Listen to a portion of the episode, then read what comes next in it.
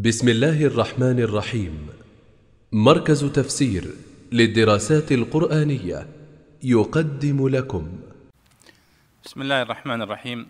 الحمد لله رب العالمين وصلى الله وسلم وبارك على سيدنا ونبينا محمد وعلى آله وصحبه أجمعين. اللهم علمنا ما ينفعنا وانفعنا بما علمتنا وارزقنا الإخلاص والتوفيق والسداد في القول والعمل. حياكم الله جميعا أيها الإخوة والأخوات في هذا اللقاء. من لقاءات التعليق على تفسير البيضاوي رحمه الله تعالى وهذا هو الدرس الرابع والستون واليوم هو الأحد الثاني والعشرين من آه، شهر ذي القعدة من عام 1436 للهجرة. كنا في اللقاء الماضي توقفنا في منتصف تعليق الإمام البيضاوي وتفسيره لقول الله تعالى في سورة البقرة شهر رمضان الذي أنزل فيه القرآن هدى للناس وبينات من الهدى والفرقان. فمن شهد منكم الشهر فليصمه. ومن كان مريضا أو على سفر فعدة من أيام أخر يريد الله بكم اليسر ولا يريد بكم العسر ولتكملوا العدة ولتكبروا الله على ما هداكم ولعلكم تشكرون. البيضاوي رحمه الله في هذه الآية هذه آية من الآيات العظيمة وفيها كثير من الأحكام والفوائد. تتعلق بنزول القرآن الكريم وتتعلق بالصيام وببعض ما أحكامه البيضاوي ابتدأ تفسير هذه الآية بالإعراب فقال شهر رمضان وذكر لها ثلاثة إعرابات.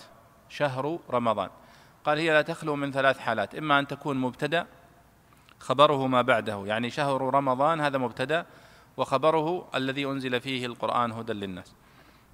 أو أنها خبر مبتدأ محذوف تقديره ذلكم شهر رمضان. أو أنها بدل من الصيام على حذف المضاف أي كتب عليكم الصيام صيام شهر رمضان.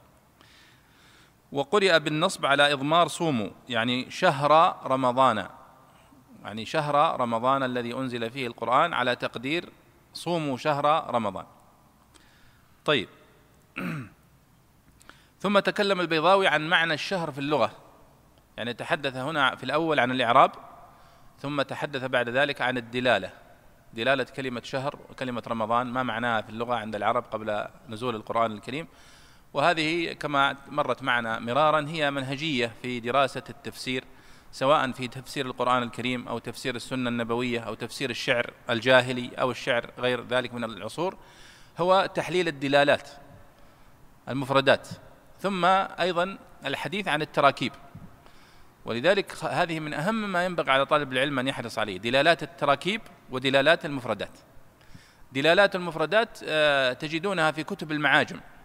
معاجم الألفاظ مثل لسان العرب وخصائص عفوا آه، الصحاح للجوهري مقاييس اللغة لابن فارس تاج العروس للزبيدي وأصله القاموس لفيروز أبادي. هذه كلها معاجم جمعها العلماء ونقحوها وراجعوها وانتقدوها واستدركوا عليها. فهي فيها خلاصة الدلالة. يعني مثل كلمة شهر. البيضاوي هنا يتحدث عنها من ناحية الدلالة. فيقول شهر آه، من الشهرة. يعني سمي الشهر شهرا من الشهرة لاشتهاره. فهذا من الدلالة وتحليل الدلالة ومعرفة الدلالة وتاريخها. ومن أجود كتب المعاجم على الإطلاق آه، التي تناقش الدلالة هو كتاب مقاييس اللغة لابن فارس ومثله كتاب المجمل له لابن فارس. والفرق بين المقاييس والمجمل أن المقاييس بناه على يعني ما يسمونه الاشتقاق الكبير وهو آه، خاصية توحيد الدلالة. بمعنى أنه يأتي إلى الجذر الثلاثي فيقلبه إلى آه، تسع تقليبات. وهذا المنهج أول من جاء به هو الخليل بن أحمد كما تعلمون في كتاب العين. فيأتي مثلا إلى كلمة مثلا آه، قول القاف والواو واللام. هذه آه، يمكن أن نستخرج منها تسع دلالات. القاف والواو واللام. ونقلبها بجميع الاحتمالات. ثلاثة في ثلاثة تسعة صح؟ فتأتي منها قول وتأتي منها لقوى وولق وقلوى وهكذا. فهو يأتي إلى كل واحدة منها فيتكلم فيقول القاف والواو واللام أصل يدل على الحركة. وسمي القول قولا لأن فيه حركة للسان. ويأتي إلى مثلا ولق فيتحدث عنها ويتحدث عن لقوى. يأتي إلى بعض الاستخدامات فيقول هذا مهمل لم تستخدمه العرب. وهذه نظرية ذكية جدا جاء بها الخليل بن أحمد لكي يستوعب كل الدلالة في اللغة العربية. فيقول هذه هذا الجذر قاوال مستعمل عند العرب ومنه القول وقال يقول قول إلى آخره. الجذر الفلاني هذا مهمل لم يتكلم به العرب. قد يأتي أحد مستدرك عليه ويقول لا هذا الجذر مستعمل. وين أين وجدناه؟ قال وجدناه في قصيدة في بيت لشاعر جاهلي مات قبل مدري كم. فيأتي باستدلال يعني قليل يعني فالاستدراكات التي تستدرك على الخليل بن أحمد وأبي الأسود الدولي المتقدمين نادرة وقليلة. حتى جاء رجل أو شاب صغير يتحذلق على أبي الأسود الدولي ويقول فجاء له بكلمة لم يسمع بها أبو الأسود الدولي فقال له هذا الشاب هل تعرف كل لغة العرب أنت؟ قال لا. قال هل تعرف نصفها؟ قال أرجو ذلك. قال هذا من النصف الثاني الذي لا تعرفه. فقال له لا خير لك فيما لا أعرفه يا أخي. يعني يقصد به أن الذي لا أعرفه هو من المهمل الذي لم يستخدمه العرب. الآن لو تراجعون لسان العرب تجدون فيه كم مادة؟ 120 ألف مادة. وفي تاج العروس ربما ما يزيد على ذلك. لكن المستعمل الشائع المشهور الذي يستخدمه العرب أقل من ذلك بكثير. لذلك الذي يريد أن يستخدم كل ما تكلمت به العرب يقع في في الإيحاش وفي الغرابة وفي يعني التكلف. والقرآن الكريم جاء بالمشهور المعروف المستفيض السهل الذي يعني معرفه الجميع. طيب نعود إلى هذا. فيعني هذا من قضايا المهمة قضية خصائص المفردات ينبغي أن المفسر أن يتقنها ويراجعها في كتب الغريب وفي كتب المعاجم. بل إن هناك في بعض الدلالات المفردات اللغة العربية ما يعني لم يمحصه تمحيصا دقيقا المفسرون ولا الذين كتبوا في الغريب حتى. وتجد بعض التمحيص وبعض الأشياء التي يمكن أن تستدرك في كتب شرح الشعر الجاهلي ونحوها. طيب. الدلالة الأخرى دلالة التراكيب في اللغة العربية خصائص التراكيب. تركيب مثلا الإنشاء الفرق بين الإنشاء والفرق بين الخبر. آه لماذا يأتي التعبير هنا بالإنشاء؟ لماذا يأتي هنا بالتمني؟ هنا بالأمر هنا بالاستفهام آه، ولماذا يأتي هنا الخبر؟ لماذا يأتي هنا الخبر جملة فعلية ولا يأتي جملة اسمية؟ لماذا يعبر بالجملة الاسمية دون الفعلية أو العكس في بعض المواضع؟ هذه من يعني المباحث الغنية جدا في اللغة العربية بصفة عامة وفي القرآن الكريم بصفة خاصة. وهناك كتب فيها رائعة جدا مثل دلالات التراكيب للدكتور محمد أبو موسى وخصائص التراكيب محمد أبو موسى. ومن أفضل من تحدث عن التراكيب ودلالاتها هم المفسرون في كتب التفسير. لكنهم يتناولونها بسرعة يعني بشيء من الإيجاز مثل البيضاوي هنا. فالباحث المدقق والمتعمق يحتاج إلى أن يبسط هذه الاختصارات ويتأمل فيها في كتب البلاغة وفي كتب آه، الدراسات النحوية المتعمقة يجد فيها يعني فوائد كثيرة جدا. فالبيضاوي هنا تحدث عن الدلالة، تحدث عن الشهر، شهر رمضان، قال الشهر مأخوذ من الشهرة ورمضان مصدر رمض إذا احترق فأضيف إليه الشهر وجعل علما ومنع من الصرف للعلمية والألف والنون. تحدث اذا هنا عن دلالته اللغوية أن رمضان مأخوذ من رمض بمعنى احترق. لأنهم يقولون أن رمضان كان يأتي في شدة الحر. إذا رمضت الفصال يعني الإبل يعني تشتد عليها الحرارة في وهج الصحراء فيقال رمضت الفصال. إذا أبردت من شدة الحر فاستظلت بظل أو نحو ذلك. فرمضان سمي بهذا. لكن قد يقول قائل رمضان يأتي الآن في بعض الأشهر الباردة. فيقال نحن نتحدث عن أصل الدلالة وتسمية العرب له قبل يعني نزول القرآن واستقر على هذا الاسم بغض النظر عن تغير يعني الأوقات بعد ذلك. ويقول أنه أضيف إليه الشهر فقيل شهر رمضان أصبح علم الآن على هذا الشهر من شهور السنة. فجعل علما ومنع من الصرف للعلمية والألف والنون. وهذه مسألة نحوية كما تعلمون في مبحث الممنوع من الصرف. والمقصود بالصرف عند النحويين ماذا؟ التنوين. يعني يقال هذا اسم منون. يعني تقول محمد علي ناصر هذا مصروف. لكنك لا تقول آه، سلمان ولا عثمان ولا رمضان لا وإنما تقول رمضان وسلمان هذا ممنوع من الصرف. ثم الممنوع من الصرف إما أن يكون لعلة أو علتين. آه، العلة هي فقط الذي يصرف لعلة واحد يمنع من الصرف لعلة واحدة هما نوعان. ما كان مؤنثا أو ما كان آه، منتهيا بألف التأنيث المقصورة أو الممدودة مثل صحراء وطو ونحوها أو كان آه، على صيغة منتهى الجموع. على وزن مفاعل أو مفاعيل مثل دراهم وتماثيل. أما بقية أنواع الممنوع من الصرف فهي تمنع من الصرف لعلتين وليس لعلة واحدة.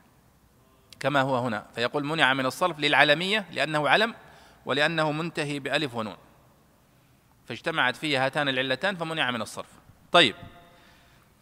قال كما منع ابن داية أو داية في ابن داية علما للغراب للعالمية والتانيث وقوله عليه الصلاة والسلام من صام رمضان فعلى حذف المضاف لأمن الالتباس. وهذا الآن الشائع الموجود في لغتنا اليوم وفي لهجتنا الدارجة. نحن لا نقول جاء شهر رمضان وهل صمت شهر رمضان وإنما نقول هل صمت رمضان. جاء رمضان راح رمضان انتهى رمضان. نقصد به شهر رمضان. لأنه أصبح علما معروفا لا يحتاج أن تضيف إليه كلمة شهر رمضان. طيب. قال وإنما سموه بذلك إما لارتماضهم فيه من حر الجوع والعطش يعني لاستظلالهم يعني بالظل أو لارتماض الذنوب فيه لأنها تحرق تحرق الذنوب فيه من من الأجر والثواب والرحمة والمغفرة. أو لوقوعه أيام رمض الحر حينما نقلوا أسماء الشهور عن اللغة القديمة. يعني يقصد أول ما سموه العرب رمضان كان وقت حر يعني. طيب هذا انتهينا منه في اللقاء الماضي. اليوم نتحدث عن قول قوله تعالى الذي أنزل فيه القرآن. شهر رمضان الذي أنزل فيه القرآن هدى للناس. فتفضل يا أحمد.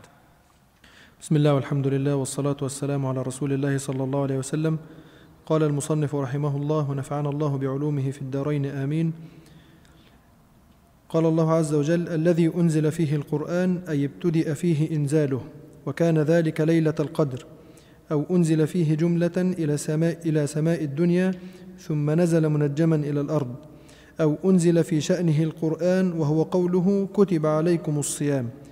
وعن النبي صلى الله عليه وسلم نزلت صحف إبراهيم عليه السلام أول ليلة من رمضان وأنزلت التوراة لست مضين والإنجيل لثلاث عشرة والقرآن لأربع وعشرين. والموصول بصلته خبر المبتدأ أو صفته والخبر فمن شهد والفاء لوصف المبتدأ بما تضمن معنى الشرط. وفيه إشعار بأن الإنزال فيه سبب اختصاصه بوجوب الصوم. هدى للناس وبينات من الهدى والفرقان حالان من القرآن أي أنزل وهو هداية للناس بإعجازه وآيات واضحات مما يهدي إلى الحق ويفرق بينه وبين الباطل بما فيه من الحكم والأحكام. نعم. طيب آه هذه آه، الجزء من الآية شهر رمضان الذي أنزل فيه القرآن. يتحدث ما معنى قوله الذي أنزل فيه القرآن؟ ذكر هو ثلاثة احتمالات لهذه الدلالة.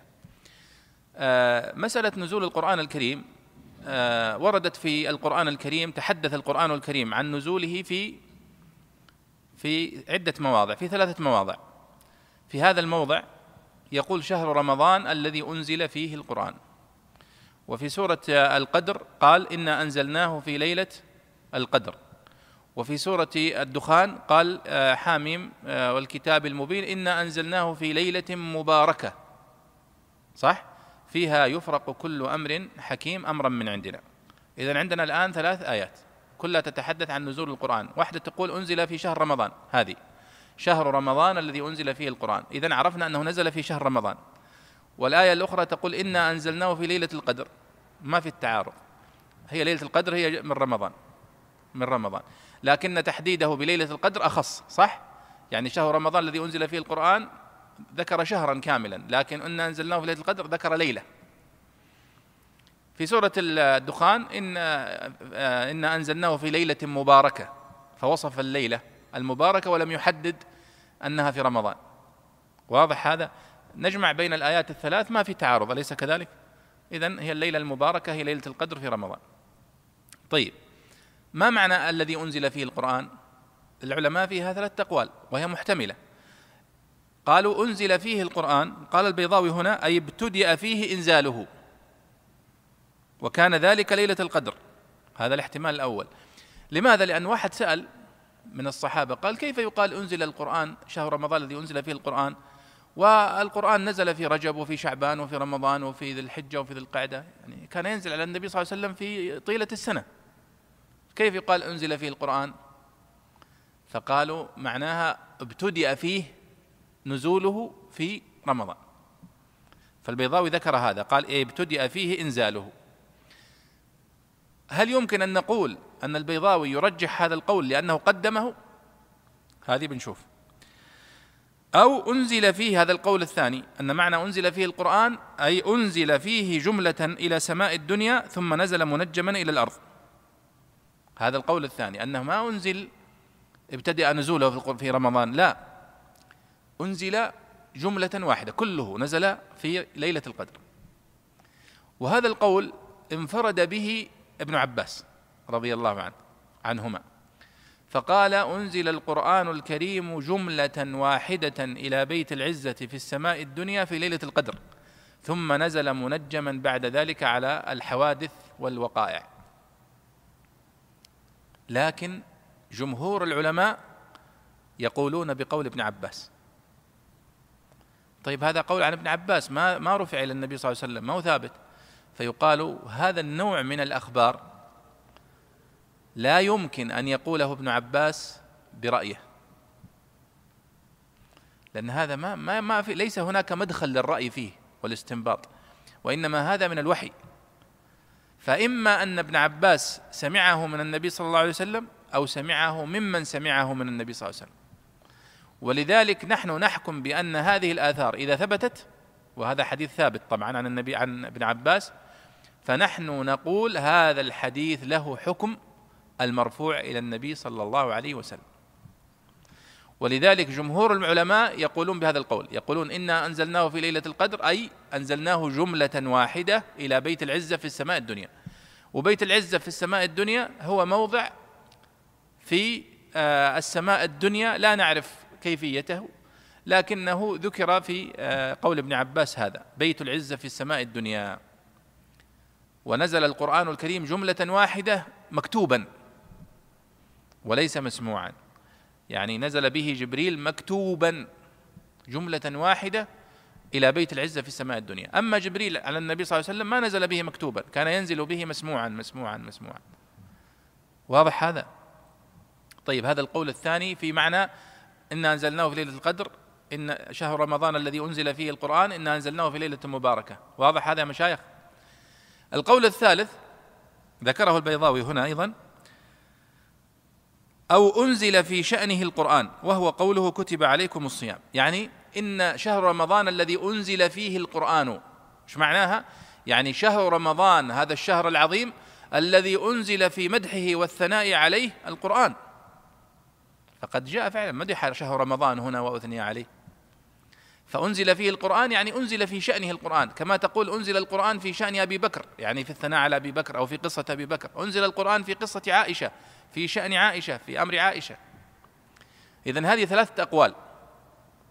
أرجحها هو القول الثاني هنا أنه أنزل فيه القرآن أي أنزل فيه القرآن جملة واحدة. ولذلك آه، يقول ابن حجر في شرحه لهذا الحديث حديث النزول القرآن وهو الصحيح المعتمد عند جماهير العلماء.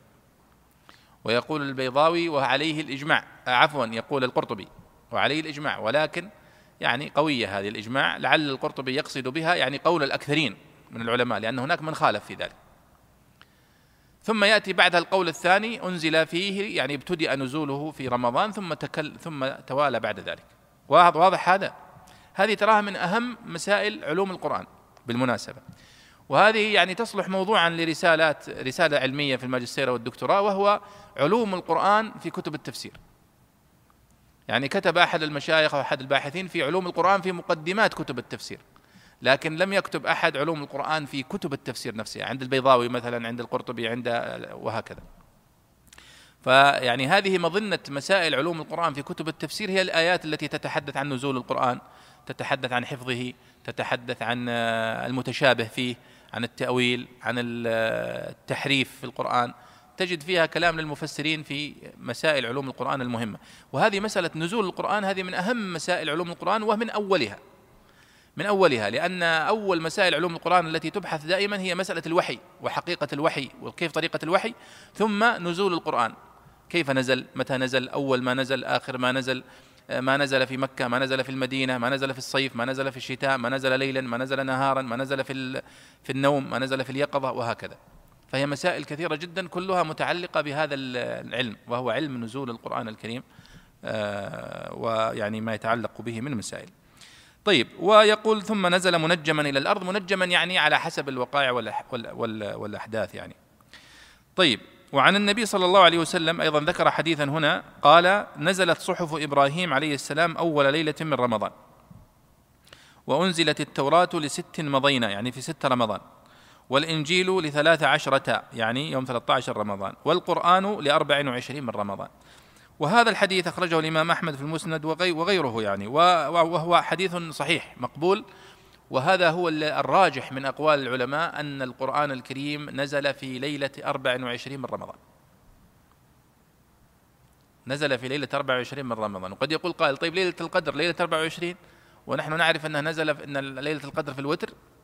نعم. يعني جاء أكثر العلماء في شرح هذا الحديث وفي كلامهم في النزول أكثرهم على هذا القول.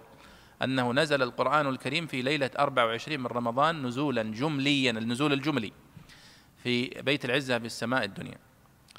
ويعني الفرق بين النزول الكلي والنزول المجزأ والمنجم أن النزول الكلي هو نزول مكتوب. والغاية منه والهدف منه تشريف النبي صلى الله عليه وسلم وتشريف أمته بأن ينزل القرآن الكريم جملة واحدة إلى بيت العزة في السماء الدنيا. نزوله إلى بيت, إلى بيت العزة في السماء الدنيا نحن لا نعرف عنه شيئا ولا علاقة له بالتشريع. يعني القرآن الموجود في بيت العزة في سماء الدنيا في عهد النبي صلى الله عليه وسلم قبل نزوله إلى النبي صلى الله عليه وسلم ليس فيه تشريع ولا شيء. وإنما لا يس يعني يصبح شرعا ويكلف النبي صلى الله عليه وسلم إلا إذا نزل به جبريل وبلغه إلى محمد صلى الله عليه وسلم. هنا يبلغه النبي صلى الله عليه وسلم ويعرفه. طيب. آه قال والموصول بصلته خبر المبتدأ أو صفته والخبر فمن شهد إلى آخره يتحدث عن قوله شهر رمضان الذي أنزل فيه القرآن. كلمة الذي أنزل فيه القرآن هي وصف لشهر رمضان. وهذا يعني صلة الموصول هي وصف لما قبله وصلة له. وقوله والفاء لوصف المبتدأ بما تضمن معنى الشرط يعني فمن شهد منكم الشهر فليصم. الفاء هنا ليس هذا الأسلوب أسلوب شرط. يعني شهر رمضان الذي أنزل فيه القرآن هدى للناس وبينات من الهدى والفرقان فمن شهد منكم الشهر فليصم. والعادة أن الفاء تدخل في جواب الشرط. هنا ليس هناك شرط ولكنه يقول هنا والفاء لوصف المبتدأ بما تضمن معنى الشرط. يعني كأنه يقول يعني ما دام أن شهر رمضان أنزل فيه القرآن وكذا فإن فصوموا فيه. فكأن الصيام فيه شيء يعني تلقائي أو طبيعي شكرا لهذه النعمة وتعظيم لهذا الشهر الذي أنزل فيه القرآن. ثم يقول البيضاوي هنا وفيه إشعار وهذا يعتبر استنباط من البيضاوي وفيه إشعار بأن الإنزال فيه سبب اختصاصه بوجوب الصوم. يعني كيف؟ يعني يقول أن لأن القرآن الكريم نزل في رمضان فلذلك خصه الله بالصوم. أمرنا بالصيام فيه. يعني معنى كلامه لو كان أنزل القرآن في شوال كان صمنا في شوال. لو أنزل في ذي القعدة صمنا في ذي القعدة. لأنه يعني الشهر الذي ينزل فيه القرآن يستحق أن يعظم وأن يعني يكون محلا للصيام. طبعا قد يكون هذا يعني مردودا إذا عرفنا أن هذا الشهر قد كان مقر كان يصومه الناس قديما كما قال في الآيات التي مضت معنا. كتب عليكم الصيام كما كتب على الذين من قبلكم. فمن كلام المفسرين أنه قد كتب الصيام على الذين من قبلنا لكن طبيعة كتابة الصيام هل كانوا يصومون الشهر كله مثلنا؟ كانوا يصومون من الصباح إلى المغرب يصومون عن نفس الأشياء التي نصوم عنها؟ فالصيام موجود عند الأمة عند السابقين لكن هل هو بنفس الكيفية أو لا؟ هناك خلاف في هذا ولا يوجد أدلة تحسم هذا الخلاف. قال هدى للناس وبينات من الهدى والفرقان. يعني الله يقول أنزل فيه القرآن لماذا؟ فذكر آه، علتين وحكمتين من ذلك قال هدى للناس وبينات من الهدى والفرقان. الحقيقة أيها الإخوة تعرفون الذي يعني يتأمل منا الآن في كتاب الله سبحانه وتعالى وفي فهمه ويتأمل في معانيه يجد أنه يعني كما وصفه الله سبحانه وتعالى في كتابه أنه هدى وبيان وشفاء وطمأنينة وما الناس كانوا في من قبله في شكوك وفي حيرة وفي ظلمة وفي لأنك أمام الآن عندما تأتي للقرآن الكريم نزل على النبي صلى الله عليه وسلم متى؟ في يعني السنة الأولى من بعثته عليه الصلاة والسلام وعمر النبي صلى الله عليه وسلم أربعين سنة. فهو قد نزل بعد يعني ميلاد المسيح عليه الصلاة والسلام بتقريبا 600 660 سنة تقريبا. طيب من من محمد صلى الله عليه وسلم بين آدم ومحمد صلى الله عليه وسلم كم سنة؟ الذين يتحدثون الآن في التاريخ الموجود المعاصر الآن يتحدثون تقريبا عن أربعة آلاف وأربع سنوات ويرون أنهم قد اكتشفوا يعني آه الذي يقرأ منكم في كتب الآثار وفي كتب آه النقوش يجد أنهم عندما اكتشفوا آه نقش في مصر يسمونه حجر رشيد. يعتبرون هذا من أعظم الفتوحات في العلم عندهم هم. في طبعا باعتبار أن الغربيين والأوروبيين يرون أن اوروبا هي أصل العالم والناس اللي برا هذول ما لهم أي قيمة. كما يحصل اليوم يعني هم لا يروننا شيئا يعني. ويعتبروننا فقط مجرد سوق استهلاكية يعني لهم. اقتصادية وعسكرية إلى آخره. لكن حتى في التاريخ وهم لا ينظرون إلينا نظرة آه، يعني آه، مبالاة. في حين أننا نحن أصل الحضارة ونحن أقدم منهم بآلاف السنين. ولذلك الآن القرآن الكريم يحدثنا عن خلق آدم ويحدثنا عن إبراهيم. نحن يعني أصل العرب هو إسماعيل عليه الصلاة والسلام ابن إبراهيم. وإبراهيم عليه الصلاة والسلام إسماعيل هو قبل موسى عليه الصلاة والسلام بأكثر من ألفين سنة. فهو في عهد سحيق يعني أكثر من أربع آلاف سنة التي وصلوا إليها. الكلام في هذا يطول يعني لكنك لو تقرأ في كتب التفسير يعني على سبيل المثال مثل كتاب الطبري أو كتاب البقاعي مثلا. كتاب البقاعي نظم الدرر في تناسب الآيات والسور. هذا كتاب مميز في, في جانبين. الناس يشتهر عندهم جانب وهو جانب تناسب الآيات والسور. ويغفلون عن جانب مهم جدا في كتاب البقاعي والبقاعي توفي سنة 885 هجرية. وهو نقله من كتاب التوراة والإنجيل. ينقل نقول طويلة جدا. فعندما تقارن بين النقول الموجودة في كتاب البقاعي من التوراة والإنجيل بين التوراة الموجودة اليوم تجد تحريفات كثيرة. يعني بعد البقاعي إلى اليوم حرفوه زيادة. وهو أصلا في عهد البقاعي محرف من قديم. ماذا تكتشف فيها؟ تكتشف كلام طويل في هذه القضايا. مثلا في قوله سبحانه وتعالى وفي سورة الفرقان مثلا. في قوله آه، ونوحا و عادا و ثم يقال وقرونا بين ذلك كثيرا. فتكلم البقاعي في هذه المسألة. وهذه من القضايا التي كانت تشغل المسلمين حتى في عهد النبي صلى الله عليه وسلم. عندما سئل النبي صلى الله عليه وسلم كما في الحديث يا رسول الله هل كان آدم نبي؟ قال عليه الصلاة والسلام نعم كان نبيا مكلما. الله كلمه. وليس حتى بعض الناس يشتهر أن موسى فقط هو كليم الله. الله كلم موسى وكلم آدم وكلم محمد صلى الله عليه وسلم. قال كم بينه وبين نوح؟ بين بين آدم وبين نوح. قال عشرة قرون. ها. والقرن ليس كما هو معروف عندنا اليوم عشرة مئة سنة وإنما القرن هو المدة والجيل من الناس. كما قال أبو العتاهية إذا ما مضى القرن الذي أنت فيهم وخلفت في قرن فأنت غريب. يعني الأجيال.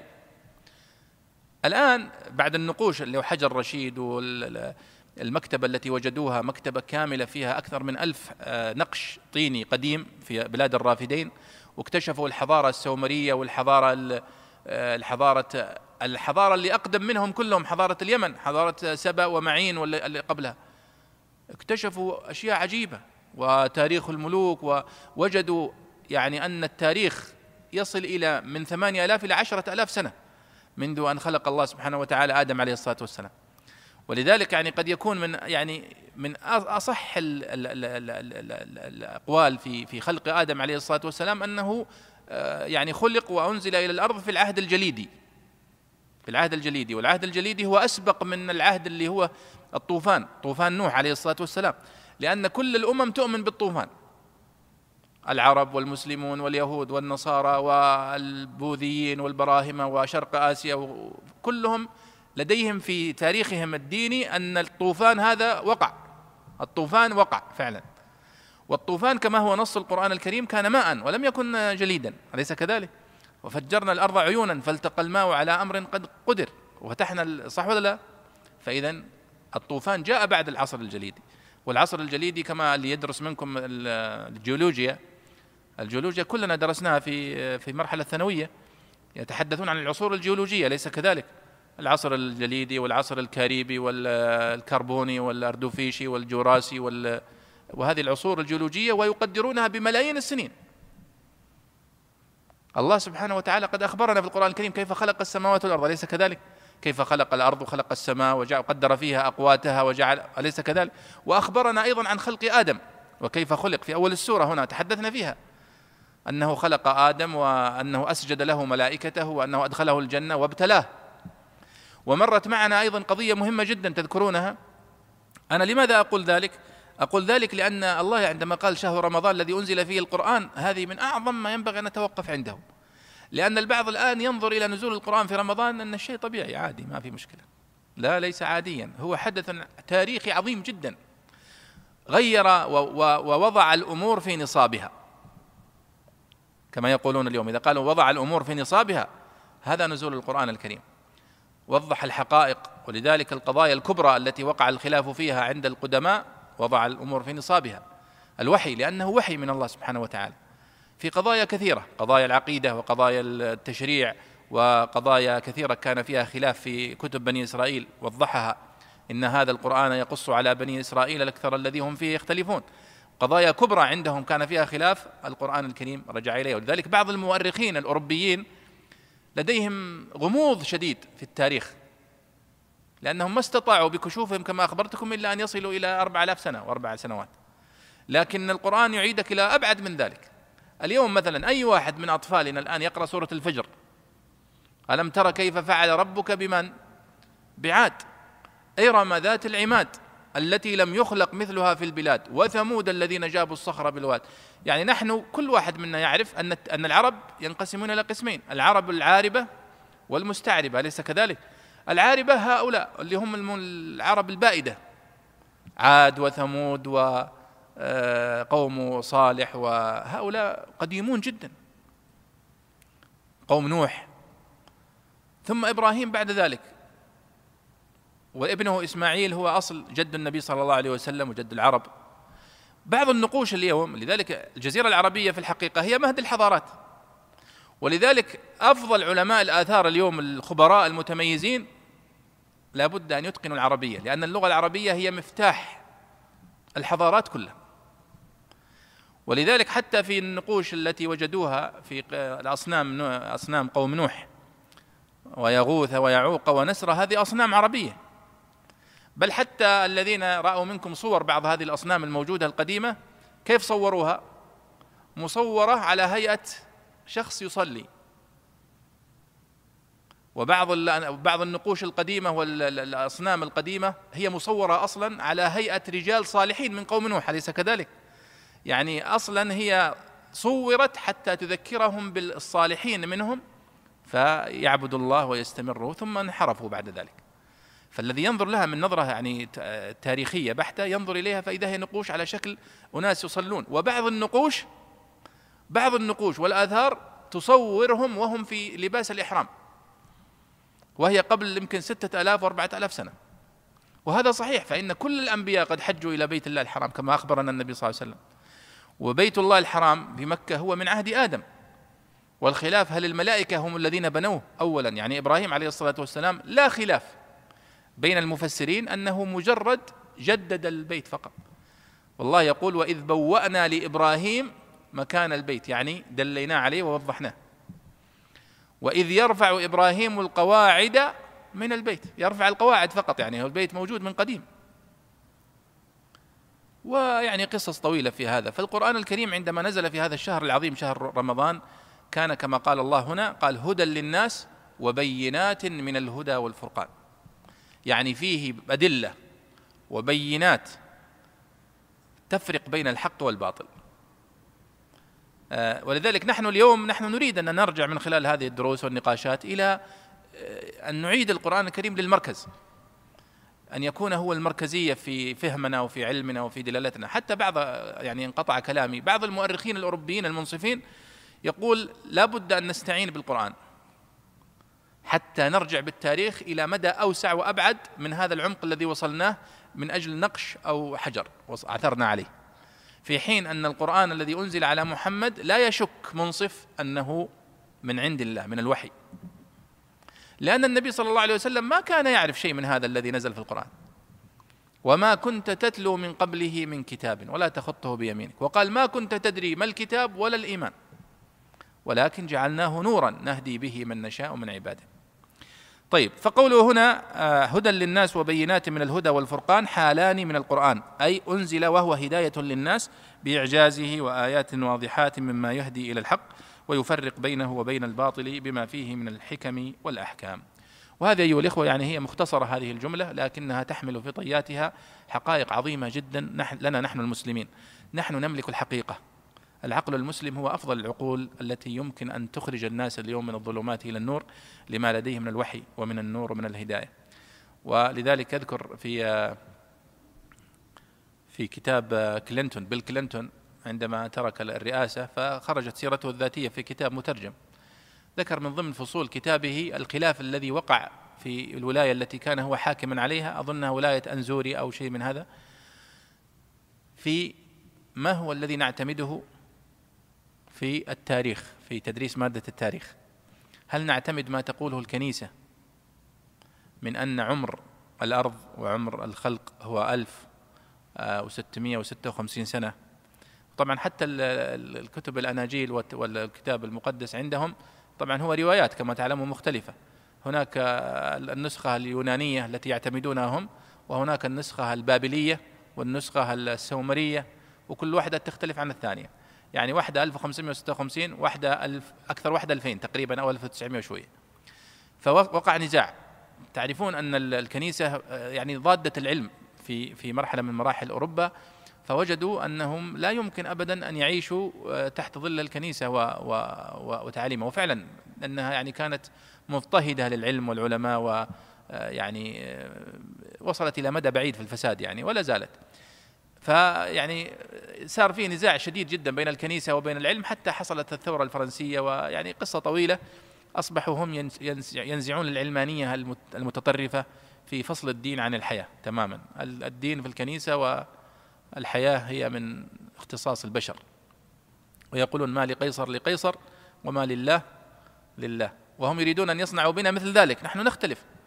القرآن الكريم لا يتعارض لا مع العقل ولا مع العلم بل هو الذي يؤكدها ويدل عليه. فحصل نزاع بينهم شديد يعني بينه هو في ولايته وبين البرلمان وبين مجلس الشيوخ في الولاية ووقفت معه زوجته هيلاري هذه ومجموعة من المحامين والخبراء حتى انتصر رأيه. هو يريد أن يقرر رأي الكنيسة لأنه هو يعتبر من المتدينين الصهيونيين الإنجيليين. و الرأي الآخر أن أن يعتمد قول العلماني في المسألة وأنها يعني لا علاقة لها بالدين ولا علاقة لها بالكنيسة وهذه مسائل مبنية على الكشوفات والآثار والبحث العلمي المجرد. مما يدل على أن هذه المسألة ما زالت مشكلة حتى اليوم خاصة في أمريكا. أما في أوروبا فالأمر يعني أصبح ما يكون متجاهل الآن لكن في أوروبا لا في أمريكا. ما زالوا يعني يرجعون إلى يعني هذه الخلافات. هل أصل الخلق لأن عندهم كتاب من كتب من من من أسفار التوراة سفر التكوين وسفر بدء الخلق ويتكلم عن خلق الأرض وخلق لكنه محرف. محرف لكن القرآن الكريم ما فيه. ولذلك يقول البقاعي في كتابه في قوله وقرونا بين ذلك كثيرا قال وقد والذي ينظر إلى مبدأ الخليقة من اليوم إلى خلق آدم يقدر أن ما بيننا وبين خلق آدم مئة ألف سنة. شوف حتى العلماء عندهم المسلمين ينظرون إلى هذا الموضوع بكل بساطة. مئة ألف سنة. وهذولا يرون أن الأربع آلاف وأربع سنوات يعتبرونه كشف عظيم. أنهم استطاعوا أنهم يزيدون عن ألفين سنة أو ألف وتسعمائة وستة وخمسين. وصلوا إلى أربع آلاف. هذا فتح عظيم. نحن عندنا مئة ألف وعشرة آلاف وثمانية آلاف. طبيعي عند العلماء المسلمين لأنهم يبحثون عندهم وثائق القرآن الكريم والسنة فيها يعني ما يوضح ذلك. والحديث على كل حال ذو شجون في هذه القضايا لكنها مسائل مهمة ومترابطة آه، والقرآن الكريم هو الذي وضع الأمور في نصابها. لكن البعض يمر على هذه الآيات ولا يتوقف عندها. ونحن لدينا نقص حقيقة شديد في الدراسات التاريخية والحضارية المنطلقة من القرآن الكريم حتى في الجامعات الإسلامية. يعني تجد أنهم لا يتوقفون كثيرا عند هذه الآيات وهذه الآيات آيات عظيمة. فيها إشارة إلى قضايا فيها نزاع كبير في كتب التاريخ. قضية خلق آدم خلق السماوات والأرض آه، أصل خلق الإنسان. قضية آه، المدد بين بين بين بين بين الأنبياء والرسل. يعني بين موسى وعيسى بين عيسى وفي سليمان عليه الصلاة والسلام وداود آه، من نوح عليه الصلاة والسلام صالح إدريس. الله يقول هنا وقرونا بين ذلك كثيرا. ولذلك يقول البقاعي في تفسيرها قال وحسبك كثرة بشيء قال الله عنه إنه كثير. يعني الله يقول وقرونا بين ذلك كثيرة يعني كثيرة فعلا ما يعلمها إلا الله. نعم.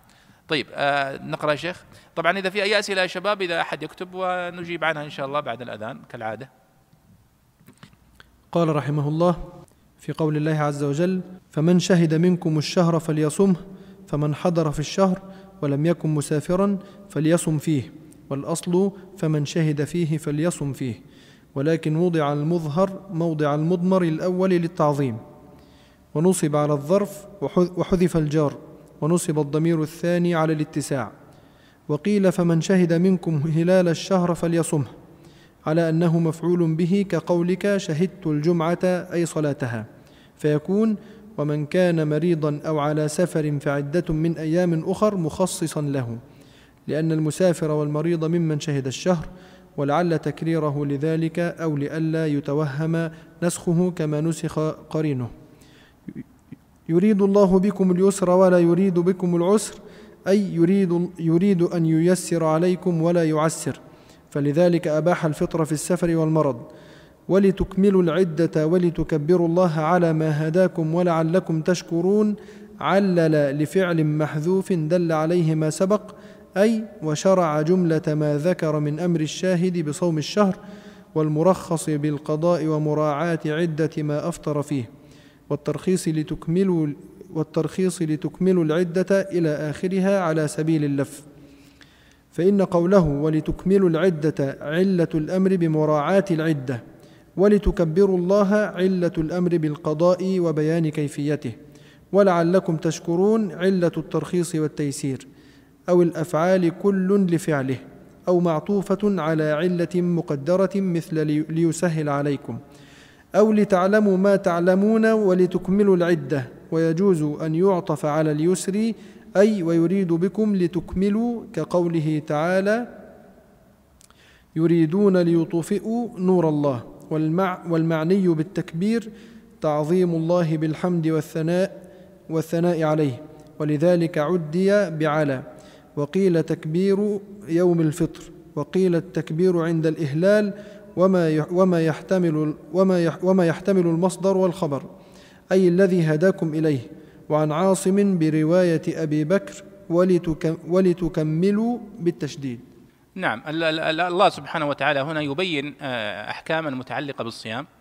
هي من أهم الأحكام المتعلقة بالصيام. في قوله فمن شهد منكم الشهر فليصم ومن كان منكم مريضا ومن كان مريضا أو على سفر فعده من أيام اخر. هذه مسألة مهمة جدا نسأل عنها دائما في رمضان. فمن شهد منكم الشهر فليصم يعني من دخل عليه شهر رمضان وهو مقيم. يعني فمن شهد منكم الشهر يعني من كان مقيما في آه، يعني بلده وقت آه، رمضان ووقت دخول رمضان فليصمه. يعني هذا فرضه. إنسان بصحة وبعافية ومقيم ففرضه ماذا؟ الصيام. فمن شهد منكم الشهر فليصمه. قال هنا فمن حضر في الشهر ولم يكن مسافرا فليصم فيه. وهنا يقول فليصمه فليصم رمضان. يقصد فليصم فيه ها؟ طيب البيضاوي هنا ماذا قال؟ فسر المعنى قال فمن حضر منكم فمن حضر في الشهر ولم يكن مسافرا فليصم فيه. طيب جاء الآن لماذا جاء التعبير فمن شهد منكم الشهر فليصمه؟ لماذا لم يقل فمن شهد منكم في الشهر فليصم فيه؟ طيب قال والأصل فمن شهد فيه فليصم فيه. لكن وضع المظهر فمن شهد منكم الشهر يعني أظهر الشهر مفعول به. موضع المضمر الأول للتعظيم. ونصب على الظرف وحذف الجار ونصب الضمير الثاني على الاتساع. يعني كأنه يقول فمن شهد منكم الشهر فليصمه. الأصل أن يقول فليصم فيه. وهذه مسألة مرت معنا كثيرا في الدروس السابقة وهي مسألة التضمين. التضمين. وهذا اللي يسمونه التضمين النحوي. التضمين النحوي. يعني تضمين الفعل معنى يناسب الحرف الذي عدي به أو تضمين الحرف معنى يناسب الفعل الذي دخل عليه وهكذا. فهو يقول هنا أن الله لم يقل فمن شهد فيه فليصم فيه مع أن المعنى واضح سيكون لكنه قال فمن شهد منكم الشهر. تعظيما لهذا الشهر وإظهار له بدل ما يضمره. قال فليصمه ولم يقل فليصم فيه كأنه يستحق هذا الشهر أن تصومه كله مع أنك تصوم جزء منه. أنت تصوم من الفجر إلى المغرب صح؟ وتفطر من المغرب إلى الفجر. لكنه قال فليصمه يعني فليصمه كأنك تصومه كاملا على من باب الاتساع. والاتساع يعني أشبه ما يكون في في تعبير النحويين الاتساع هو المجاز. الاتساع هو المجاز يعني التوسع في التعبير. وقيل فمن شهد منكم هلال الشهر فليصمه على أنه مفعول به إلى آخره. طيب. ومن كان مريضا أو على سفر فعدة من أيام أخر. مخصص له. يعني هو يقول من كان منكم دخل عليه رمضان وهو مقيم صحيح فليصم. طيب. والمريض هو ممن يشهد الشهر. صح. لكنه تعبان. يعني دخل عليه الشهر بس ما هو صحيح. معافى. تعبان. قال ومن كان من ومن كان مريضا أو على سفر فعدة من أيام أخر. فهو الآن لا يخلو الإنسان من هذه الحالات. إما أن يكون مقيم صحيح أو مقيم مريض أو مسافر. فقال إذا كنت مسافر مسموح. تفطر. وإذا كنت مقيما ولكنك مريض أيضا تترخص وتفطر. فهذه نعمة عظيمة. يعني ما ترك عذرا لمعتذر. أليس كذلك؟ واضح هذا. طيب قال لأن المسافر والمريض ممن شهد الشهر ولعل تكريره لذلك أو لئلا يتوهم نسخه كما نسخ قرينه. يعني ممكن لو قال فمن شهد منكم الشهر فليصمه يظن بعض الناس أن المريض والمسافر عفوا أن المريض لازم لازم يصوم. فالله يقول لا فمن كان منكم فمن كان مريضا أو على سفر. يعني فمن كان مريضا فأفطر. لأن بعضهم قد يكون مريض ولكن يتحمل ويصوم. فصيامه صحيح. أو قد يسافر الإنسان واليوم أكثر الناس يسافر ولا يفطر. أليس كذلك؟ لأنه يقول ما في مشقة. فله أيضا ذلك. لكن كما أن الله سبحانه وتعالى أباح لنا قصر الصلاة. في السفر مطلقا. مع أنه في الآية يقول وإن كنتم على سفر آه وإذا ضربتم في الأرض فليس عليكم جناح أن تقصروا من الصلاة. إن خفتم أن يفتنكم الذين كفروا. إذا واضح معنى الآية أنه يجوز للمسافر القصر في الصلاة لأنه خائف. إن خفتم أن يفتنكم الذين كفروا. طيب خلاص ما عاد في خوف. نتم الصلاة. قال لا استمروا في القصر. الآية لا تدل على ذلك. ولذلك نحن لو أردنا أن نفسر فقط بالقرآن نقع في أخطاء. لأن عمر رضي الله عنه سأل النبي صلى الله عليه وسلم هذا السؤال. قال يا رسول الله قد أمنا الآن. نحن الآن في أمن الحمد لله. لكن يوم نزلت الآية كان في خوف. فنقصر في السفر بسبب الخوف. واضح. والآية تقول إن خفتم أن يفتنكم الذين كفروا. قال النبي صلى الله عليه وسلم لا بل هي صدقة تصدق الله بها عليكم. تقصرون في الصلاة مطلقا خوف ولا ما في خوف؟ إذا معناته ما تستغني عن السنة النبوية في تفسير القرآن. مع أن ظاهر القرآن يدل على أن القصر مرتبط بالخوف لكن الحديث قال لا.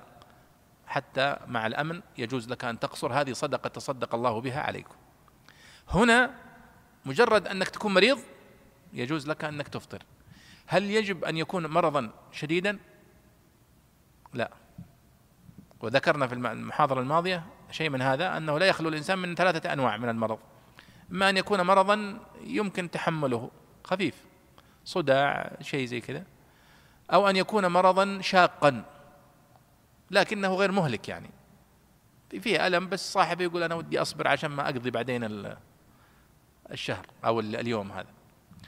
والنوع الثالث المرض الذي يتلف الإنسان إذا صام. يتلفه ويضره. النوع الأول يجوز له أن يفطر مطلقا مجرد أنه مريض. والثاني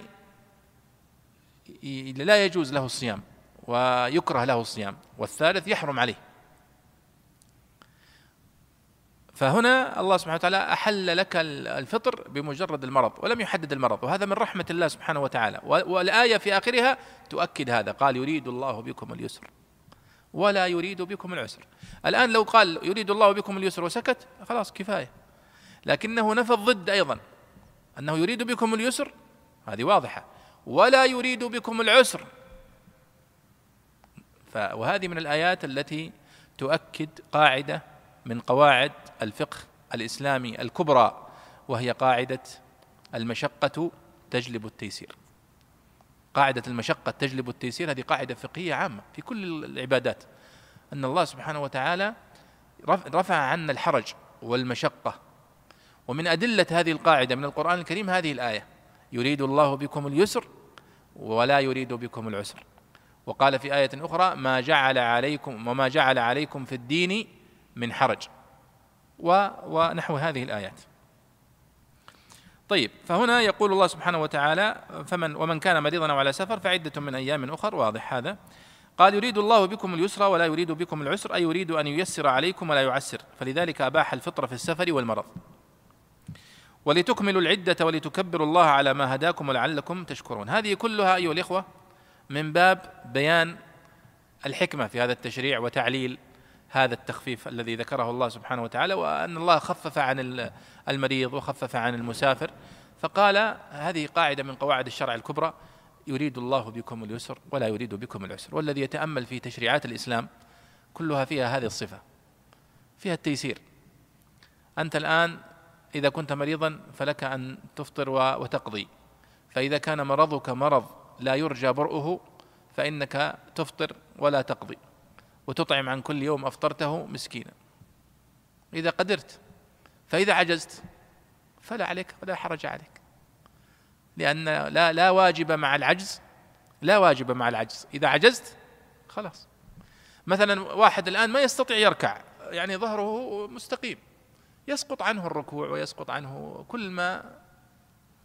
لاحظ هذا من رحمة الله سبحانه وتعالى. وقال لا يكلف الله نفسا إلا وسعها. وقال في آية أخرى لا يكلف الله نفسا إلا ما آتاها. هو الذي خلقك. ولا يكلفك إلا ما تستطيع. لا تستطيع أن تركع مسموح. لا تستطيع أن تسجد مسموح. وهكذا. قال هنا علل لفعل محذوف دل عليه ما سبق. أي وشرع جملة ما ذكر من أمر الشاهد بصوم الشهر والمرخص بالقضاء ومراعاة عدة ما أفطر فيه والترخيص. كل هذا قال لتكملوا العدة إلى آخرها على سبيل اللف. اللف هذا مصطلح طبعا من مصطلحات البلاغة وليس من مقصود به يعني اللف والدوران اللي نتكلم به نحن. يعني اللف عند علماء البلاغة هو يسمون اللف والنشر. اللف هو أن تجمع والنشر هو أن تفرق. فيقولون اللف والنشر المشوش واللف والنشر المرتب. فاللف والنشر المشوش مثل قوله سبحانه وتعالى مثلا في سورة آه، هود في آخرها. فأما الذين سعدوا ففي الجنة. وأما فأما الذين شقوا فكذا. فهو يذكر لك آه، يعني أصناف من الناس ثم يذكر مصير كل قال والسابقون السابقون ثم يلف جزاء كل طائفة من الطوائف. فمثلا تقول مثلا آه، محمد وعلي وعبد الله. ممتاز جيد جدا جيد. فهذا نقول هذا لف ونشر مرتب. معناته الممتاز هو أول واحد محمد. والجيد جدا هو ثاني واحد والجيد هو ثالث واحد. وهكذا يعني. فهو يقول هنا أن الله سبحانه وتعالى قال يريد الله بكم اليسر ولا يريد بكم العسر ولتكملوا العدة ولتكبروا الله على ما هداكم ولعلكم تشكرون. هذه خمسة أشياء. رجعها على التي سبقت من باب اللف. فيقول هنا على سبيل اللف فإن قوله ولتكملوا العدة علة الأمر بمراعاة العدة. في قوله سبحانه وتعالى فعدة من لأن الله يقول يعني آه، فمن شهد منكم الشهر فليصم يعني كاملا. ولتكبروا الله علة الأمر بالقضاء وبيان كيفيته. ولعلكم تشكرون علة الترخيص والتيسير. والحقيقة قال هنا أو الأفعال كل لفعله أو معطوفة على علة مقدرة مثل يسهل عليكم أو لتعلموا ما تعلمون ولتكملوا العدة إلى آخره. والصحيح الصحيح أن الله سبحانه وتعالى ذكر هذه الحكم لكل ما سبق. أنه أنزل القرآن وأمرنا في في رمضان بالصيام ورخص للمريض ورخص للمسافر. كل هذا لهذه الحكم وهي ولتكملوا العدة ولتكبروا الله على ما هداكم. فقد أمرنا بالتكبير في نهاية رمضان أليس كذلك؟ أنك أمرت بالتكبير. الله أكبر الله أكبر الله أكبر كبيرا. هذا في الحديث الثابت عن النبي صلى الله عليه وسلم وفي فعله عليه الصلاة والسلام. قال ولتكبروا الله على ما هداكم ولعلكم تشكرون على هذه النعمة وتكثروا منها. ومن علامات شكر نعمة الله سبحانه وتعالى على الصيام الاحتفال في يوم الفطر والصلاة والاحتفاء والفرح والسرور في يوم الفطر. ولذلك يحرم صيام يوم عيد الفطر لأنه شكر لهذه النعمة التي أنعم الله بها علينا في في صيام رمضان. فالصحيح أن خاتمة الآية ليست من باب اللف وإنما هي آه، تعود هذه الحكم على كل ما تقدم من إنزال القرآن والأمر بالصيام والتخفيف عن المريض وعن المسافر. طيب قال الله سبحانه وتعالى قال والمعني بالتكبير تعظيم الله بالحمد والثناء عليه ولذلك عدي بعلاء وقيل تكبير يوم الفطر لقوله سبحانه ولتكبروا الله على ما هداكم. ما معناها؟ هل المقصود بها آه، ترديد التكبير؟ لتكبروا الله على ما هداكم. هذا هو الذي يظهر وهو الراجح لأننا أمرنا بالتكبير في ختام رمضان. وقيل أن المقصود بها تعظيم الله بالحمد والثناء عليه وهذا أيضا يدخل في معنى التكبير والثناء. وقيل التكبير عند الإهلال وما يحتمل المصدر والخبر إلى آخره. ثم ختم تفسيره للآية بذكر قراءة أخرى من قراءة عاصم برواية أبي بكر وهو من أبو بكر مر معنا كثيرا هو شعبة شعبة ابن عياش القارئ الثاني زميل حفص. نحن نقرأ برواية إيش؟ برواية حفص ابن سليمان عن عاصم بن أبي النجود. والرواية الأخرى رواية آه، شعبة ابن عياش أبو بكر ابن عياش هو أخذ عن عاصم أيضا وهو يختلف عن عن عن حفص في مواضع قليلة يعني منها هذا الموضع. يعني حفص يقرأ ولتكملوا العدة وشعبة يقرأ ولتكملوا العدة. آه يعني الدلالة هنا في التضعيف لتكملوا العدة فيها إشارة إلى العناية بالإكمال والإتمام أكثر من قراءة ولتكملوا العدة. طيب آه تقرأ يا فضيلة الشيخ.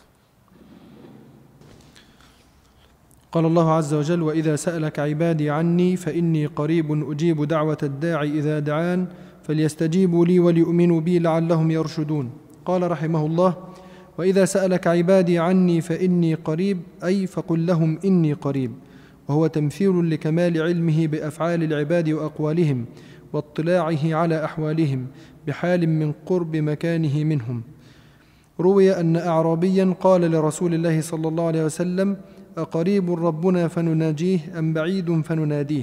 فنزلت أجيب دعوة الداعي إذا دعان تقرير للقرب ووعد للداعي بالإجابة. فليستجيبوا لي إذا دعوتهم للإيمان والطاعة كما أجيبهم إذا دعوني لمهماتهم. وليؤمنوا بي أمر بالثبات والمداومة عليه لعلهم يرشدون. راجين إصابة الرشد وهو إصابة الحق وقرئ بفتح الشين وكسرها.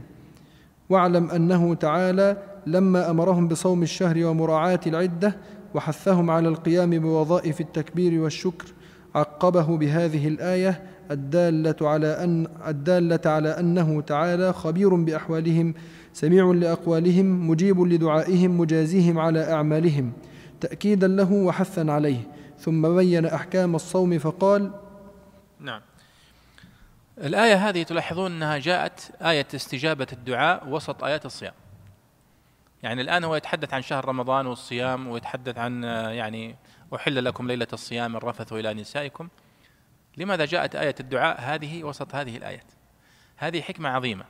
كما جاءت تذكرون في سورة البقرة ستأتي معنا في آخرها تقريبا آه، حافظوا على الصلوات والصلاة الوسطى وقوموا لله قانتين. وين جاءت هذه الآية؟ جاءت بين آيات إيش؟ بين آيات الطلاق والعدة. ومشاكل الطلاق وما يتعلق بها. طيب ليش جاءت لماذا حشرت آية المحافظة على الصلوات بين آيات الطلاق؟ غريبة. وهنا جاءت آية الدعاء بين آيات الصيام. تقريبا قريب من هذا فنحن نقول أنها جاءت في هذا الموضع. والله أعلم. إشارة إلى أن الصيام والقيام وقراءة القرآن في شهر رمضان أنسب وقت للدعاء وقبول الدعاء. ولذلك ينبغي على الإنسان أن يكثر من الصيام ويكثر من الصلاة والقيام والدعاء فيها حتى في غير رمضان. واضح هذا؟ وأما علة ورود سورة آية الأمر بالمحافظة على الصلاة وسط آيات الطلاق فيعني ذكر بعض العلماء أن أكثر الطلاق وأكثر المشاكل الاجتماعية ويعني هي بسبب التفريط في طاعة الله سبحانه وتعالى ومن أعظمها الصلاة. وأن من يحافظ على الصلاة ويستمسك بها تنحل كثير من مشاكلها الاجتماعية. وأنت لو تأملت في هذا وجدت هذا صحيح. البيت الذي تجد الصلاة فيه قائمة كما يقول الله أقيموا الصلاة. ما لم يجد في القرآن الكريم أمر بأداء الصلاة وإنما كل الأمر بإقامة الصلاة والمحافظة على الصلاة. فالبيت الذي تجد فيه الأسرة الزوج والزوجة محافظين على الصلاة في أوقاتها وفي صلاة الجماعة الرجل مشاكلهم الاجتماعية يعني صغيرة. وكثير من القضايا والطلاق والنزاعات تجد أن سببها هو التفريط في هذه الفرائض وفي هذه الحقوق. وإذا سألك عبادي عني فإني قريب. هذه الآية فيها تفرد دون الآيات الأخرى التي فيها أسئلة لأن الأسئلة الموجودة في القرآن الكريم محدودة. يسألونك عن الخمر والميسر. قل فيهما إثم كبير ومنافع للناس. يسألونك عن المحيض قل هو أذى. يسألونك عن الشهر الحرام قتال فيه قل. إلا الآية هذه. وإذا سألك عبادي عني ما قال فقل إني قريب. لا على طول. قال وإذا سألك عبادي عني كأنه أخرج النبي صلى الله عليه وسلم من السؤال فإني قريب. فكأنه حتى من شدة قربه في جواب السؤال المسؤول عنه في الدعاء لم يذكر كلمة فقل كأنها بتطول الموضوع. الله سبحانه وتعالى يدعى ويسأل بدون واسطة. حتى لو كانت الواسطة النبي صلى الله عليه وسلم لا ما فيه فهذه حكمة عظيمة. وإذا سألك عبادي عني فإني قريب أي فقل لهم إني قريب. وهو تمثيل لكمال علمه سبحانه وتعالى بأفعال العباد وأقوالهم واطلاعه على أحوالهم بحال من قرب مكانه منهم. روي أن اعرابيا قال لرسول الله صلى الله عليه وسلم أقريب ربنا فنناجيه أم بعيد فنناديه؟ فنزلت. يعني أقريب ربنا فنناجيه. المناجاة الكلام بشويش. الكلام بصوت منخفض. هذه تسمى مناجاة. ولذلك نهى الله سبحانه وتعالى عن تناجي لاثنين. في المجلس تلقى اثنين جالسين جنب بعض وفي واحد جالس معهم وجالسين يتوشوشون مع بعض. هذا منهي عنه محرم. لأن فيه نوع من الإحراج لهذا الشخص الثالث. يعني ما يدري وش هذول يتكلمون وهو جالس في نفس الغرفة. فنهينا عن المناجاة ولا تتناجوا. والنداء هو النداء الكلام بصوت مرتفع تنادي الشخص البعيد. يقال نداء للبعيد. فهذا الأعرابي يقول هل ربنا بعيد؟ وأسئلة الأعراب هذه التي كان يسألها النبي صلى الله عليه وسلم رهيبة ودقيقة وجميلة. وفيها فقه كثير. وفيها فوائد عظيمة. ورأى النبي والصحابة الكرام رضي الله عنهم كانوا يفرحون إذا رأوا أعرابي يسأل لأنهم كانوا يستحون من النبي صلى الله عليه وسلم ويهابونه. فيفرحون إذا جاء الأعرابي ما ما ينحرج الأعرابي ويسأل ما عنده مشكلة. فيقول فنفرح بسؤال الأعرابي لأن لما في ذلك من الفائدة والفقه فهذا الأعرابي سأل. طبعا هذا الحديث ضعيف. أول حاجة يعني لا, لا يصح أن هذا سبب النزول. يعني هو من حيث الصنعة الحديثية حديث ضعيف جدا. فلا يصح وضعه في سبب النزول.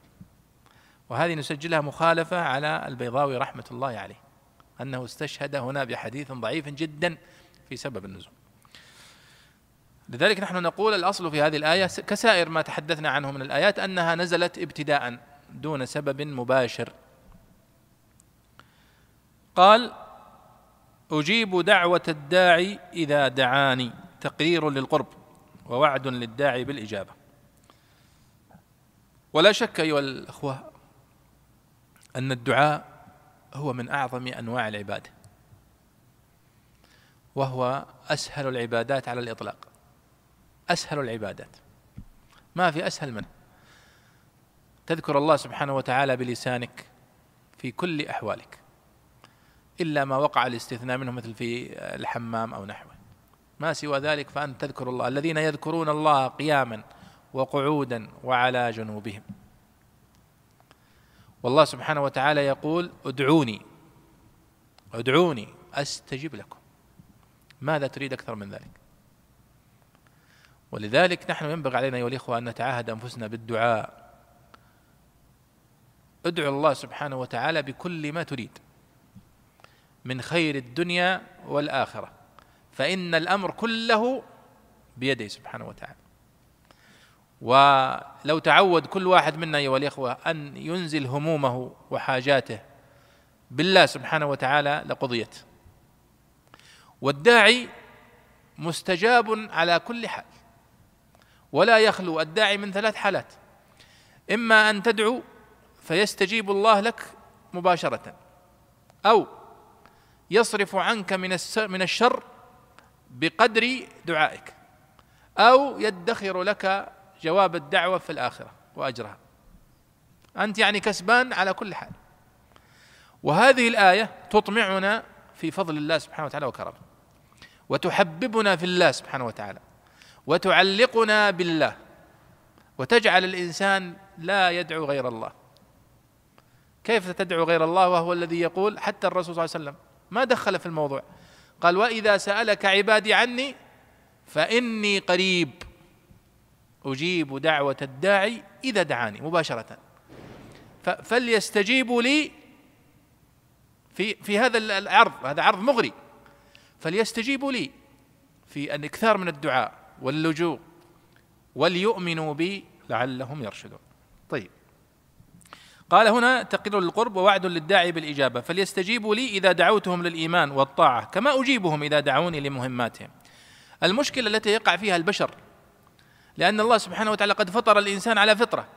فطرة الإعراض وفطرة النسيان وفطرة لذلك الإنسان إذا أصيب بمرض أو أصيب بشدة قال آه وإذا ركبوا في الفلك دعوا الله مخلصين له الدين.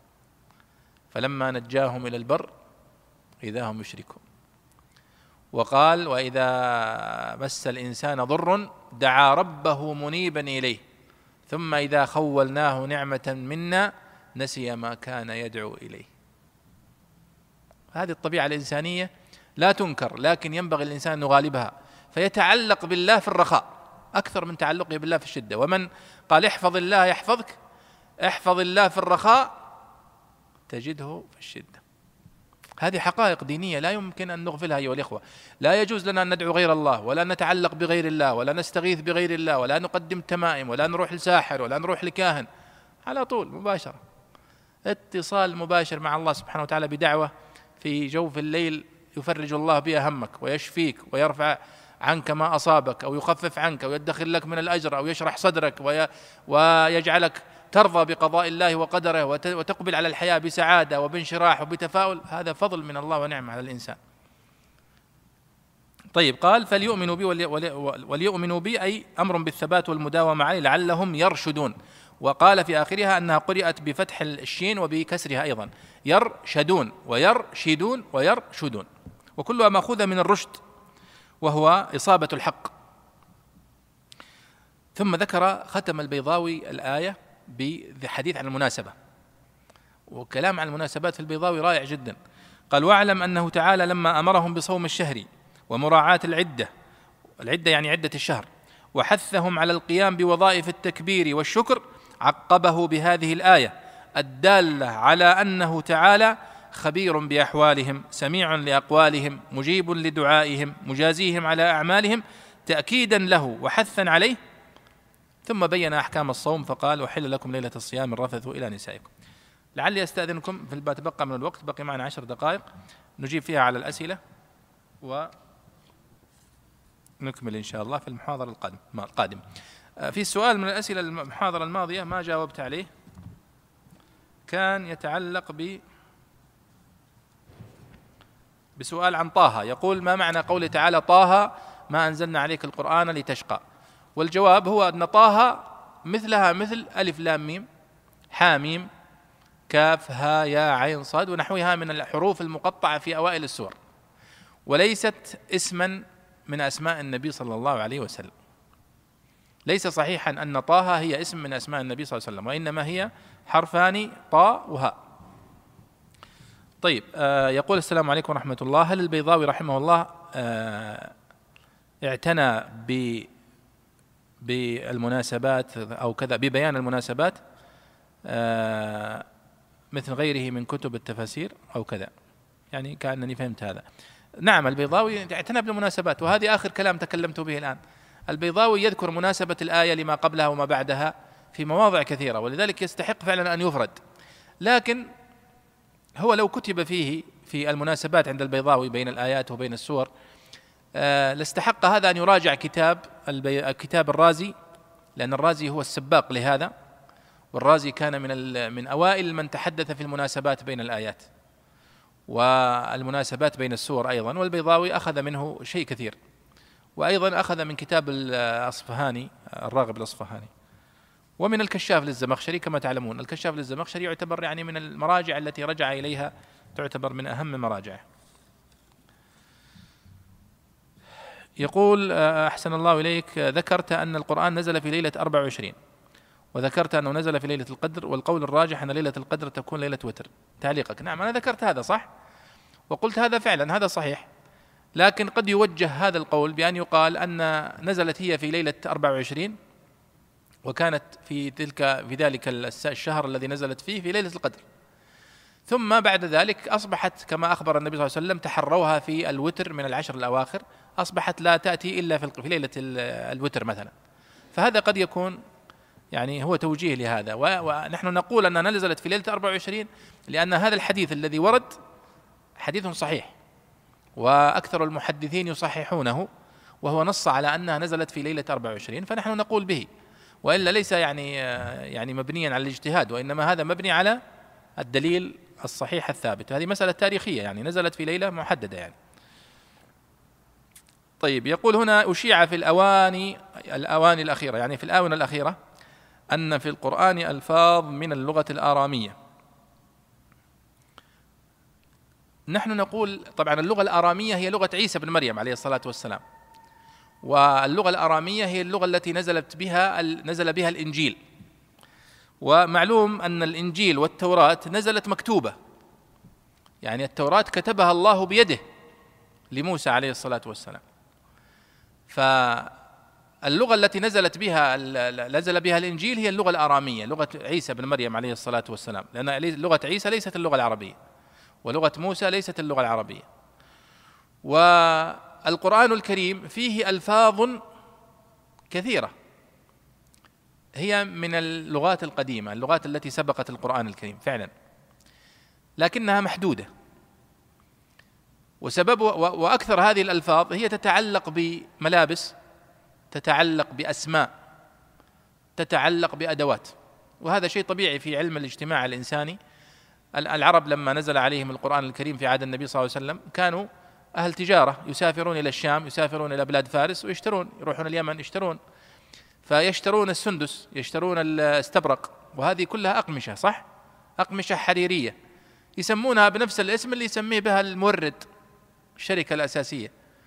زي ما نسوي اليوم نسمي الفاكس ونسمي التلفزيون ونسمي الجو الموبايل صح ولا لا؟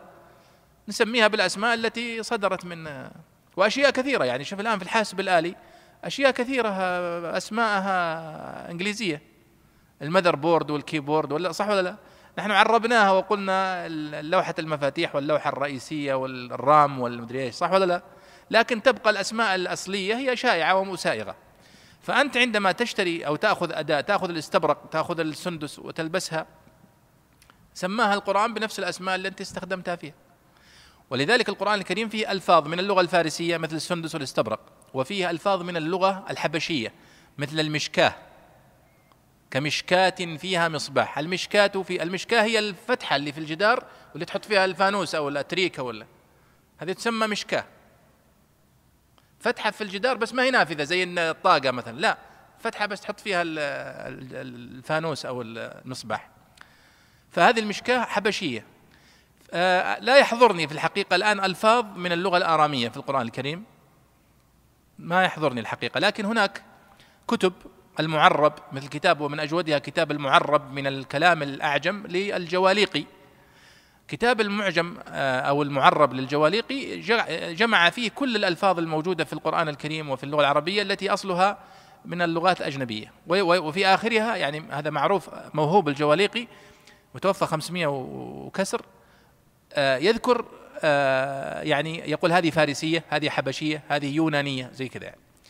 وأجود منه كتاب آه، ترتيبه للشيخ العلامة فا عبد الرحيم. سماه المعرب ترتيب جديد. المعرب للجواليقي ترتيب جديد. دار القلم طبعته للدكتور فا عبد الرحيم. فا عبد الرحيم يتقن 13 لغة ما شاء الله. فيعيد كل لفظة من هذه الألفاظ إلى لغتها الأصلية. ويقول أخطأ الجواليقي ليست هذه فارسية. ليست في الفارسية هذه أصلا هندية لكنها تحورت وإلى. فيعني هذا نوع من العلم. وجواب على سؤالك. وكأني والله أعلم فعلا بلغني أن أحدهم يقول أن الأصل اللغة العربية هي آرامية. طبعا هذا يعني دعوة عريضة لا وزن لها ولا قيمة لها. هل في القرآن ألفاظ أعجمية؟ وكيف نجمع مع قولي قرآنا عربيا؟ نعم قلت لك أن فيه ألفاظ مسميات أعجمية لكنها قليلة وهذا لا ينافي ولا يتعارض أن القرآن الكريم أعجمي. لو كتبت رسالة أنت في صفحة واحدة وحطيت فيها كلمة مثلا إنجليزية تعريف ليس معناه أن الرسالة بالإنجليزي الرسالة بالعربي بس فيها ثم إن هذه الألفاظ التي في القرآن الكريم من اللغات القديمة استخدمها العرب فيما بينهم وأصبحت معربة ومعروفة الدلالة فنزل بها القرآن الكريم هل تصح نسبة قوله تعالى وأسر وأسر النجوى الذين ظلموا إلى لغة أكلون البراغيث؟ نعم. يعني أن النجوى وأسر النجوى الذين ظلموا، يعني الذين ظلموا فاعل.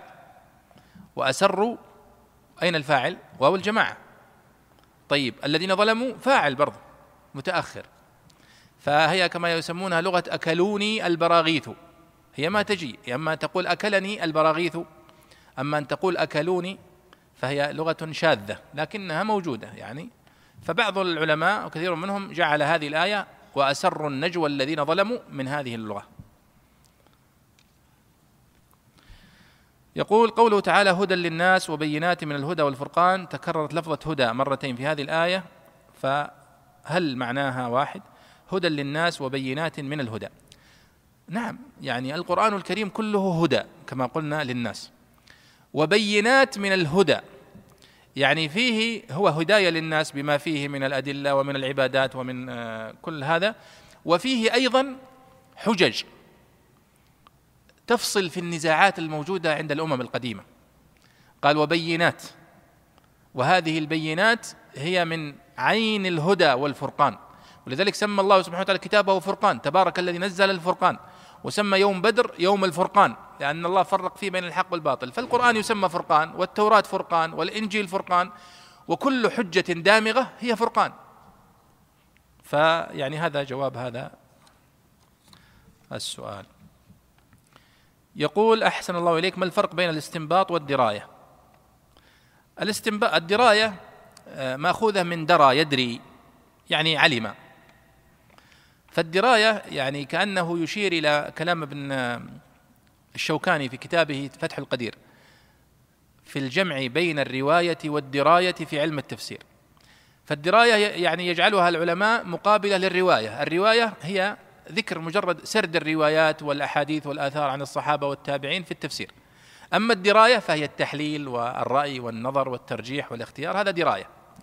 أما الاستنباط فهو استخراج ما خفي من المعاني بطريق صحيح مأخوذ من استنباط الماء. الآن عندما يحفر الإنسان متر مثلا يطلع له موية. زي اللي يسوون بعض القواعد في البيوت الآن العماير الموجودة الآن يحفرون متر مترين طلعت موية. هذه ما هي موية بير ولا موية جوفية هذه مياه من المياه يعني من متسربة. لكن المياه التي تستنبط هي التي يعني آه، يعمق فيها البحث حتى تستخرج من مكان بعيد فيقال نبط الماء. وكذلك الاستنباط في المعاني هو مأخوذ من الاستنباط الحسي هذا. أن استنباط الماء إذا كان عميق يقال له استنباط.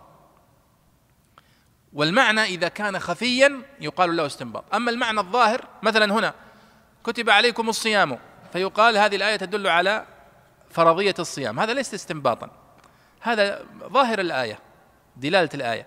لكن واحد مثلا في قوله تعالى يقول اليوم أكملت لكم دينكم وأتممت عليكم نعمتي ورضيت لكم الإسلام دينا. فيأتي واحد منكم ويقول هذه الآية فيها معنى أنا استنبطته. وش هو المعنى هذا؟ قال هذه الآية تدل على التدرج في التشريع وأن التشريع الإسلامي كان فيه تدرج. كيف استنبطته؟ قال هو يقول اليوم أكملت لكم دين يعني أمس وقبل أمس والأيام الماضية كلها ما كان كامل. اليوم أكمله. اذا كان هناك تدرج في المرحلة الماضية اليوم اكتمل. نقول هذا استنباط رائع جدا فعلا و وهو استنباط صحيح. فالاستنباط هو استخراج ما خفي من المعاني بطريق صحيح. هذا لازم يكون بطريق صحيح ما هو بطريق البكش والعبث كما يفعل بعضهم الآن. يستنبط معاني لا تدل عليها الآية لا من حيث اللغة ولا من حيث الأصول ولا ويقول هذا يعني استنباط. لا هذا ليس استنباط. آه، من أبرز من أجاد في تفسيره بالاستنباط؟ الحقيقة يعني هذا سؤال الجواب عليه صعب لكن يعني لا يكاد يخلو مفسر أو كتاب تفسير من كتب التفسير خاصة المتوسطة والمطولة من استنباطات مثل كتاب البيضاوي اللي بين أيدينا. كما مر معنا أمس وقبل أو في الدرس الماضي عندما قال وفيه إشعار بأن الإنزال فيه سبب اختصاصه بالصوم. هذا استنباط لكن يعني ناقشناه. فيعني الطبري عنده استنباط شديد. الرازي في كتابه مليء بالاستنباطات في الحقيقة الرازي. أوسع منه يعني فعلا من أوسع من عني بالاستنباط القرطبي في كتابه الجامع لأحكام القرآن فهو كتاب استنباط من الطراز الأول. كتاب أحكام القرآن لابن العربي أحكام القرآن للجصاص أحكام القرآن للكيا الهراسي. كل كتب أحكام القرآن هي كتب استنباط. آه نختم بهذا السؤال. آه ذكرتم أن ما عليه أغلب أهل العلم أن نزول القرآن في 24 من رمضان. ويقول الله إنا أنزلناه في ليلة القدر وبعض أهل العلم يجزم بثبوت ليلة القدر ليلة 27 نعم أنا تكلمت عن هذا في بداية الأسئلة. آه نختم بهذا وصلى الله وسلم على سيدنا ونبينا محمد وعلى آله وصحبه أجمعين. مع تحيات مركز تفسير للدراسات القرآنية. مركز تفسير. مركز تفسير. الريادة في تطوير الدراسات القرآنية.